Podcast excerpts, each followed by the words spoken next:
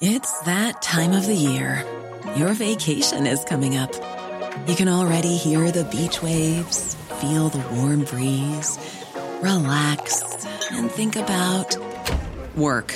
You really, really want it all to work out while you're away. Monday.com gives you and the team that peace of mind. When all work is on one platform and everyone's in sync, things just flow wherever you are. Tap the banner to go to Monday.com. Hi, I'm Daniel, founder of Pretty Litter. Cats and cat owners deserve better than any old fashioned litter. That's why I teamed up with scientists and veterinarians to create Pretty Litter. Its innovative crystal formula has superior odor control and weighs up to 80% less than clay litter. Pretty Litter even monitors health by changing colors to help detect early signs of potential illness. It's the world's smartest kitty litter. Go to prettylitter.com and use code ACAST for 20% off your first order and a free cat toy. Terms and conditions apply. See site for details. Hei, mitt navn er Marius Lorentzen, og velkommen til denne helgeepisoden av Økonominyhetene, der vi presenterer et utvalgt intervju fra uken som har gått. Hverdagene kan jo være hektiske, og det er ikke lett å få med seg alt som skjer. Derfor finner vi frem klipp som vi mener kan være interessant å høre, enten fordi de har lært oss noe, er underholdende eller fikk frem en nyhet. Og med det så setter vi i gang, vær så god.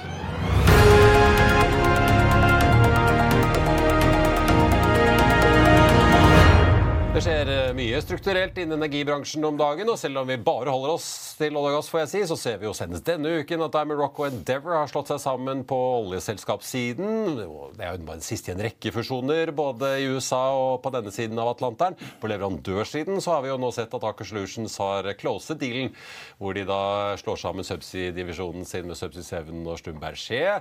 Og på Seismic så har vi jo jammen meg fått uh, situasjonen der altså TGS nå får tak i PGS for et giftermål. som vil gjøre at de og norske Sharewater blir nesten helt uh, enerådende, får vi vel si. Og i dag er dere ute med tall begge to, Christian Aansen. Foreløpig da konsernsjef i TGS, men vi får vel legge til grunn at du blir sjef for hele butikken etter hvert. Takk for at du er med oss. Takk for det. Kanskje vi skal begynne med giftermålet aller først. da. Det er jo en omfattende prosess. Der kom også med en melding i dag hvor dere skriver at dere fortsatt tror på en gjennomføring i andre kvartal i år, men peker jo på at både britiske og norske konkurransemyndigheter ser fortsatt på dette her. Er det noe som kan velte det? Altså, Hva gjør at dere fortsatt er trygge på det? Det er ikke lenge til andre kvartal? Nei, det er ikke det, men det er jo en prosess. De, og den prosessen kjenner vi tidsplanen veldig godt. Og, og, den skal jo i utgangspunktet være ferdig i slutten av april, begynnelsen av mai. og og det er klart Når vi ser på den fusjonen der, så er det klart vi, vi har jo ikke båter, og de har båter. Så den er jo veldig komplementær i forhold til, til Assets. Og det er jo gjerne det man, man ser på i en sånn øvelse. Og, og selskapet blir ikke nevneverdig endra ut fra, fra, markedsforholdet i så måte. Nei. Ja, vi blir veldig store på multiklient, men multiklient er jo mer en forretningsmodell, ikke i den grad et marked som du kontrollerer. Men det er norske og britiske konkurransemyndigheter som er de vi må følge med på? Det er ikke noen andre Nei, eksterne andre... faktorer som kan påvirke dette? For jeg ser jo dere har jo kjørt generalforsamlinger og ja, da, støtten dere trenger. Vi hadde 99,5 støtte fra våre aksjonærer, så jeg tror det, det, skal gå veldig greit. og Den, den prosessen er ferdig, og nå er siste milestone at vi skal gjennom konkurransemyndighetene. Det, det er en jobb de må gjøre, og de må selvfølgelig også eh, lære seg bransjen. Det er jo en veldig sånn nisjebransje som er kanskje litt ulik en del av de andre bransjene du refererer til, enten det er subsea eller, eller andre subsegment. Så det, det, har vi respekt for, og det bruker vi en, tid, en del tid på sørge for at de får den dataen de trenger. Da. Det begynner å bli få spillere i Subsea, skal jeg si det, men uh, det er noen annen sak. Men apropos, uh, altså, Historisk så har jo dere i TGS hatt en veldig kapitallett modell. Ja. Vært pent lønnsomme. Ting, ting, har skuret og gått og vært ganske stabile. PGS har jo hatt skip, en mye tyngre balanse. Det har vært uh, Særlig nå etter oljeprisfallet i 2014 og utover, så har jo gjeldsbetjening vært et sentralt tema i mange runder. Også nå for så vidt i fusjonen. Nå har det jo vært tatt en del grep. Har dere den balansen i PGS som dere nå som felles selskap ønsker å ha, eller kan vi forvente at det vil komme prosesser enten opp mot banker, obligasjonseier eller eventuelt også egenkapitalsmarkedet fremover? Ja, jeg tror nok du skal forvente en prosess med banker og eventuelt bonds og den type ting. For det er jo fortsatt en del gjeld der, og den gjelden skal jo refinansieres med en sterkere balanse og forhåpentligvis ta ut litt finansielle Ja, de betaler mye, de betaler mye gjeld, og, og, det er klart at den skal ned. Og, og, da må vi refinansiere, og det har vi selvfølgelig planer om å gjøre. Ja. så vi kan få Vi må først ta over selskapet før ja, vi begynner å det, det, er, det er greit å ta ting i orden, men da kan vi i hvert fall forvente oss det. Skal vi eh, snakke litt om eh, markedene du og PGS opererer i? da, for Du, jo, eller du skriver jo da i, i dagens eh, kvartalsrapport at uh, du sitata, ser med økende optimisme på 2024, hvis jeg oversetter deg litt fritt fra engelsk. Hva er det egentlig du ser der ute? Nei, Vi er optimistiske. det er klart at vi, eh, vi hadde et litt skuffende fjerde kvartal, spesielt på ett segment som vi kaller late sales. da, Men alle de andre segmentene leverte vi veldig bra. Og, og PGS hadde for så vidt et ganske bra eh, fjerde kvartal på late sales, men litt dårligere på en del andre segmenter. så Det viser jo volatiliteten i, i vår industri. Og, men, men stort sett så ser vi at kundene skal øke spenning på seismikk i 2024. Og, og vi tror jo vi er veldig godt posisjonert og har allerede sikra veldig mye backlog. Vi har jo en vekst i backlog på 21 i forhold til i fjor. eh, Og ser et gradvis bedre marked. Så det, det føler jeg meg ganske trygg på at vi skal se et, et greit 2024, og et 2024 som er bedre enn 2023. Men Er det både basert på ja, kontrakts, eh, altså ordreboken og litt signaler dere får? Jeg vet jo at Dere er jo i møte med kundene deres støtt. og sånn. Hele så Er det litt basert ja. på Ja. hva de også sier at de har av planer? Ja. Så Det er en kombinasjon av de to. og det er klart at Kunder ser jo også at det er jo, en, er jo en del av de som har brukt veldig lite penger på data og fokusert veldig mye på kortsiktig produksjon. og så ser du nå på flere selskaper, Hvis du ser produksjonskurven going forward, så ser du en ganske betydelig dipp fra og med 2025. Og Hvis du skal ha mer å produsere etter 2025, da må du begynne å lete ganske raskt. og Det håper vi de begynner å gjøre i 2024. Ja. Ja, vi får se. Occidental Petroleum-sjefen var i hvert fall ute og sa at hun eh, forventer en ganske tilstramming på tilbudssiden om et par års uh, tid. Så skal vi ta de, da. For dette uh, late sales-kategorien deres Mm, eh, den uh, kom dere jo med i fjerdekvartalsoppdateringen som kom litt Ja. tidligere i år, og sendte aksjen ganske mye ned. Ja. Eh, Early sales hos dere veldig opp. Proprietary også opp. Kan du bare gå gjennom litt kort disse ulike kategoriene og hva det var egentlig som skjedde? Ja, det, det tror jeg er veldig greit at vi forklarer, for det er ulike segmenter der. Og, og de svinger litt av og til, og svinger litt fra kvartal til kvartal. Men hvis du skal begynne med den som vi kaller proprietary, da, som egentlig er kontraktsrevenue, så er det hovedsakelig gamle Magsize. Vi kjøpte jo Magsize i 2022, og de utgjør da betydelig del av vår kontraktsrevenue. Eh, Den har vært opp drøye 20% i 2023 og et veldig bra år. Veldig fornøyd med integrasjonen av Magsize og hvordan det, hvordan det har gått så langt. Eh, og så har du de to andre delene. Den ene heter early sales, altså tidligsalg, og den andre er sensalg, eller late sales. Bruker litt engelske ord her også. Og Forskjellen på det er at det vi kaller early sales, det er alt salg du gjør fra du starter en survey til surveyen er ferdigstilt og ligger i biblioteket ditt. Det kan ofte være en periode på mellom ett og to år før den ligger i biblioteket. Eh, Etter den ligger i biblioteket, og da har jo mye salg funnet sted, så blir den liggende i biblioteket, og da kaller vi det late sales når vi gjør ytterligere salg ut fra det. Og det var i 2023, og spesielt i fjerde kvartal, så var det late sales som var veldig svakt, men så var pre-funding, eller da early sales, var veldig bra. Eh, og For oss så er det jo, og særlig for kundene, så spiller det ingen rolle hvilken kategori det ligger i. Altså Kunden vet ikke det, om det ligger i biblioteket vårt eller om det ligger i, de i, i prosessering. område, eller- ja. Ikke sant? De bare ser på hvilket område de skal, de skal ha. Så, så eh, det her svinger litt fra kvartal til kvartal. og I, i Q4 2022 for eksempel, da var det late sales som var veldig sterkt. Og mange som var bekymra av at early sales var litt svakt. Eh, Og nå er det da tilsvarende motsatt. Så vi har vel gått litt fra én grøftekant til en annen, og så håper jeg at vi skal stabilisere oss midt på veien. Ja. Eh, dere og mange i leverandørindustrien snakker jo om at uh, oljenæringen har underinvestert over altså Mange oljetopp, oljesjefer i oljeselskapet gjør det samme, altså. Ja. men, men eh, snakker jo om at man på en måte er inne i en slags syklus hvor det har vært investert for lite, og dere ser tegn til at her er det positive utsikter over tid. og litt som du sier, at Skal man klare å erstatte produksjon som faller bort naturlig, Mm. så må man ta grep. Jeg ser jo samtidig da, dere, dere skrev jo i denne første meldingen på Q4, oppdateringen om at en del M&A-aktivitet, altså oppkjøp og fusjoner, forsinket en del oppkjøp av mm. seismikk. Økt uh, bruk på boring og rigg uh, gjorde det samme, samtidig litt inflasjon. inflasjon. Og så skriver dere nå i rapporten for i år da, at i motsetning til i 2022, hvor seismikk vokste raskere enn den generelle mm. pengebruken økte i oljeselskapene, så var det motsatt da i 2023, hvor boring vokste mer på bekostning av seismikk. Er det sånn at ja, oljeselskapene bruker mer tid, men seismikk sliter med å, liksom, å nå opp i prioriteringen. At det er andre de bruker vel så mye kapitalen som renner inn i kassene der på, på andre deler av verdikjeden? Ja, altså For 2023 så har de brukt mer enn de budsjetterte for. Og, og delvis pga. bl.a. riggraten var høyere enn det de hadde forventa. Så de måtte finne penger andre steder i budsjettene sine. Og, og det har nok ramma oss litt. Det har nok gått litt på bekostning. For seismikk er vel kanskje litt mer sånn langtidsretta verktøy som du, du må ikke ha det i dag, du kan dytte det ut til neste år. ikke sant?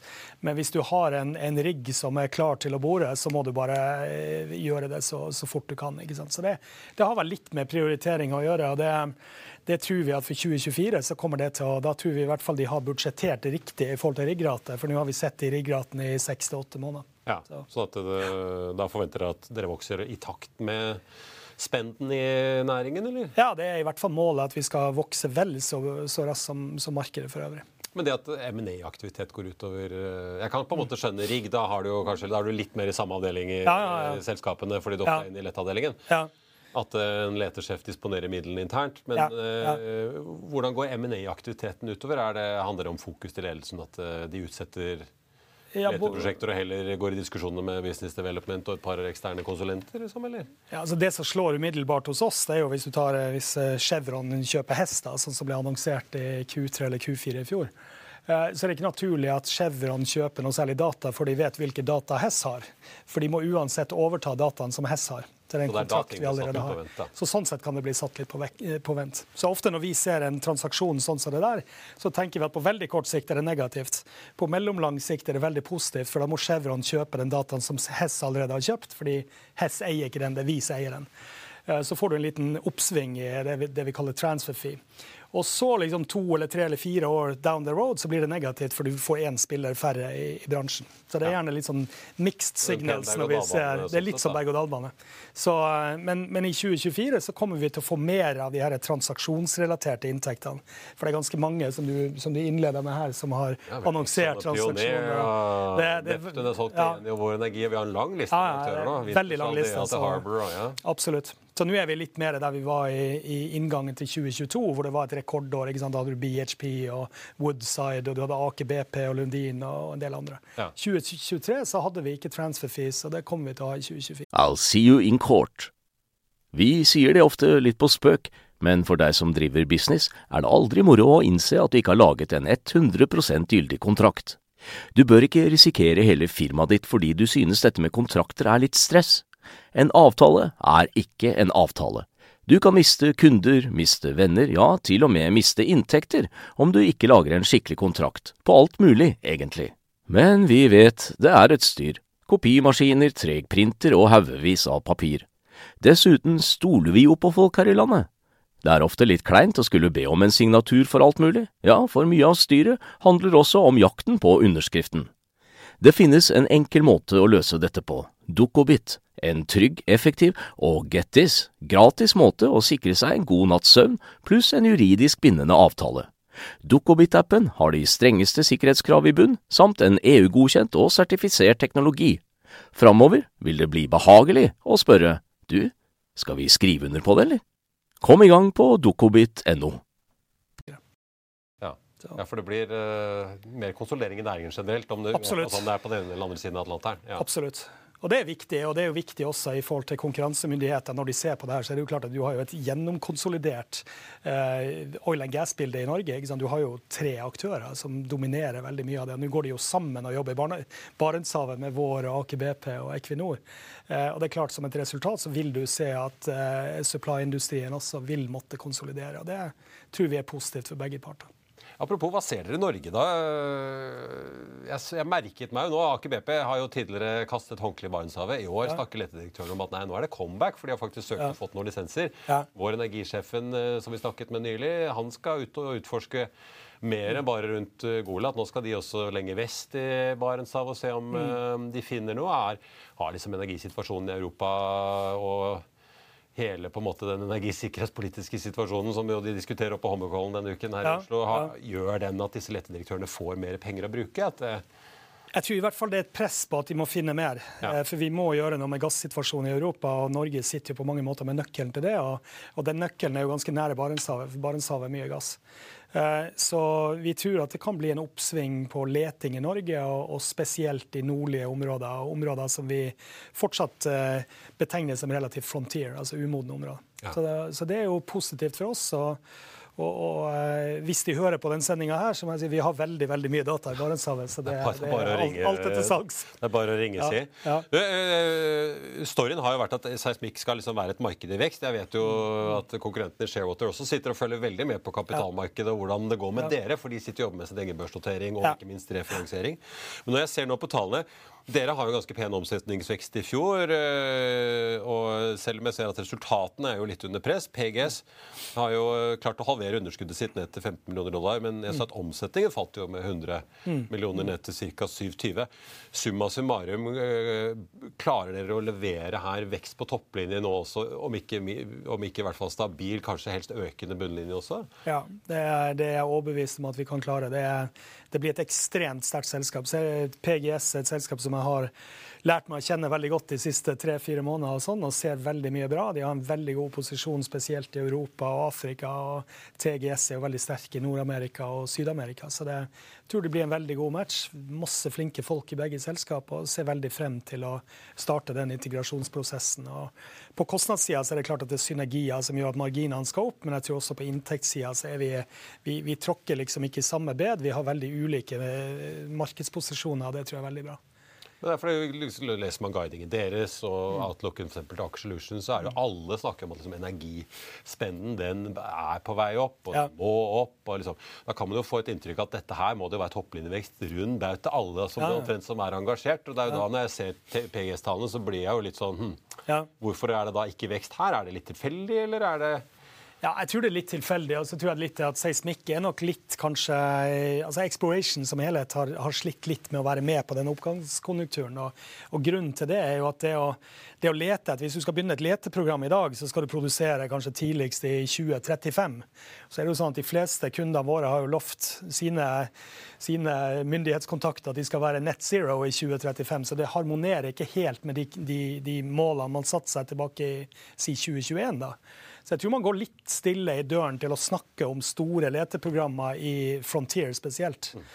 Men så ser jo heldigvis norske myndigheter ser jo det at her har vi en gassituasjon i Europa som er ganske prekær, eller kan bli ganske prekær, og vi sitter på mange måter med nøkkelen. Så det er veldig positivt å se hva som skjer i Norge i så måte. Og vi tror at det etter hvert kommer til å, til å skje i andre områder også.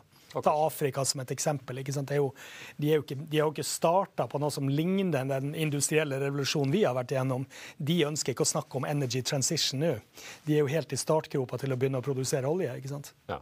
Ja, også Shell var ute med sin Energy Outlook eh, denne uken. og de, ja. Selv om de regner med at Europa har nådd eh, toppen i gassforbruket samlet sett, så regner de ja. med at Nord-Amerika det skjer ikke før i 2030 at forbrukstoppen nås der. og For ikke å snakke om Asia, hvor man er eh, lenge etter det. Absolutt. Um, Si litt, eh, fordi jeg så jo, Dere har jo en pen kontantgenerering i butikken om eh, dagen. Da, over en, nesten 600 millioner dollar, opp fra 343 i fjor. Eh, på driften, men jeg ser at Dere øker jo cashbeholdningen litt netto netto, da, men dere bruker jo mye på multiklientinvestering. Det er jo ja. investeringer som dere gjør i forkant ja. for egen maskin, for så å selge videre til selskaper i etterkant. Helt riktig. Er det visse regioner, eller, eller hva er det dere på en måte investerer for å forberede dere for? Nei, det er jo at Vi har jo sett da, 2023 var jo på mange måter første året hvor vi økte investeringen veldig. og Det var en del av vår plan at vi skal være motsyklisk. Vi skal investere når vi ser at vi er i ferd med å nærme oss en oppkonjunktur, så skal vi investere mye. Det gjorde vi i 2023. Vi investerte 400 millioner dollar i ny seismikk. Og så har vi allerede sagt i dag at vi skal ta foten litt av gasspedalen, og så skal vi investere litt mindre i 2024 og 2025.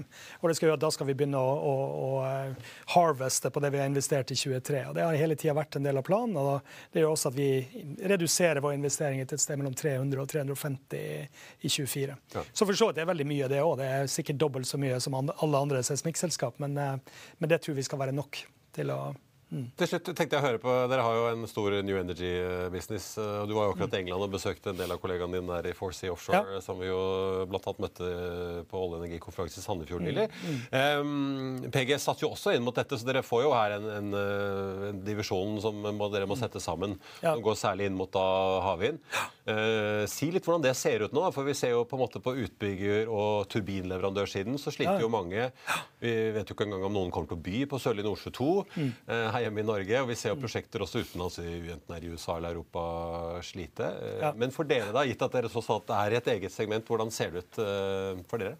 Nei, Det er jo litt interessant, for det selskapet 4C som du refererer til, det er jo for så vidt et, et, selskap som driver med market research og, og analyserapporter rundt det markedet. Så, så, i så måte så skal jo vi kjenne det markedet ganske godt. Vi, vi er en uh, leverandør av den type data. Det, det, er veldig interessant å se. altså Veldig mye blir jo dytta ut i tid.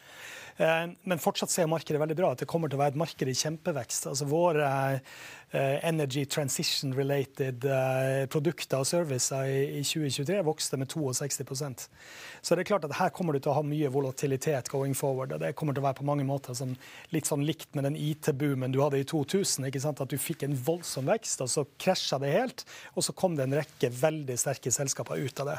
Og mange av de største ti selskapene i verden i, i dag ble jo etablert den gang.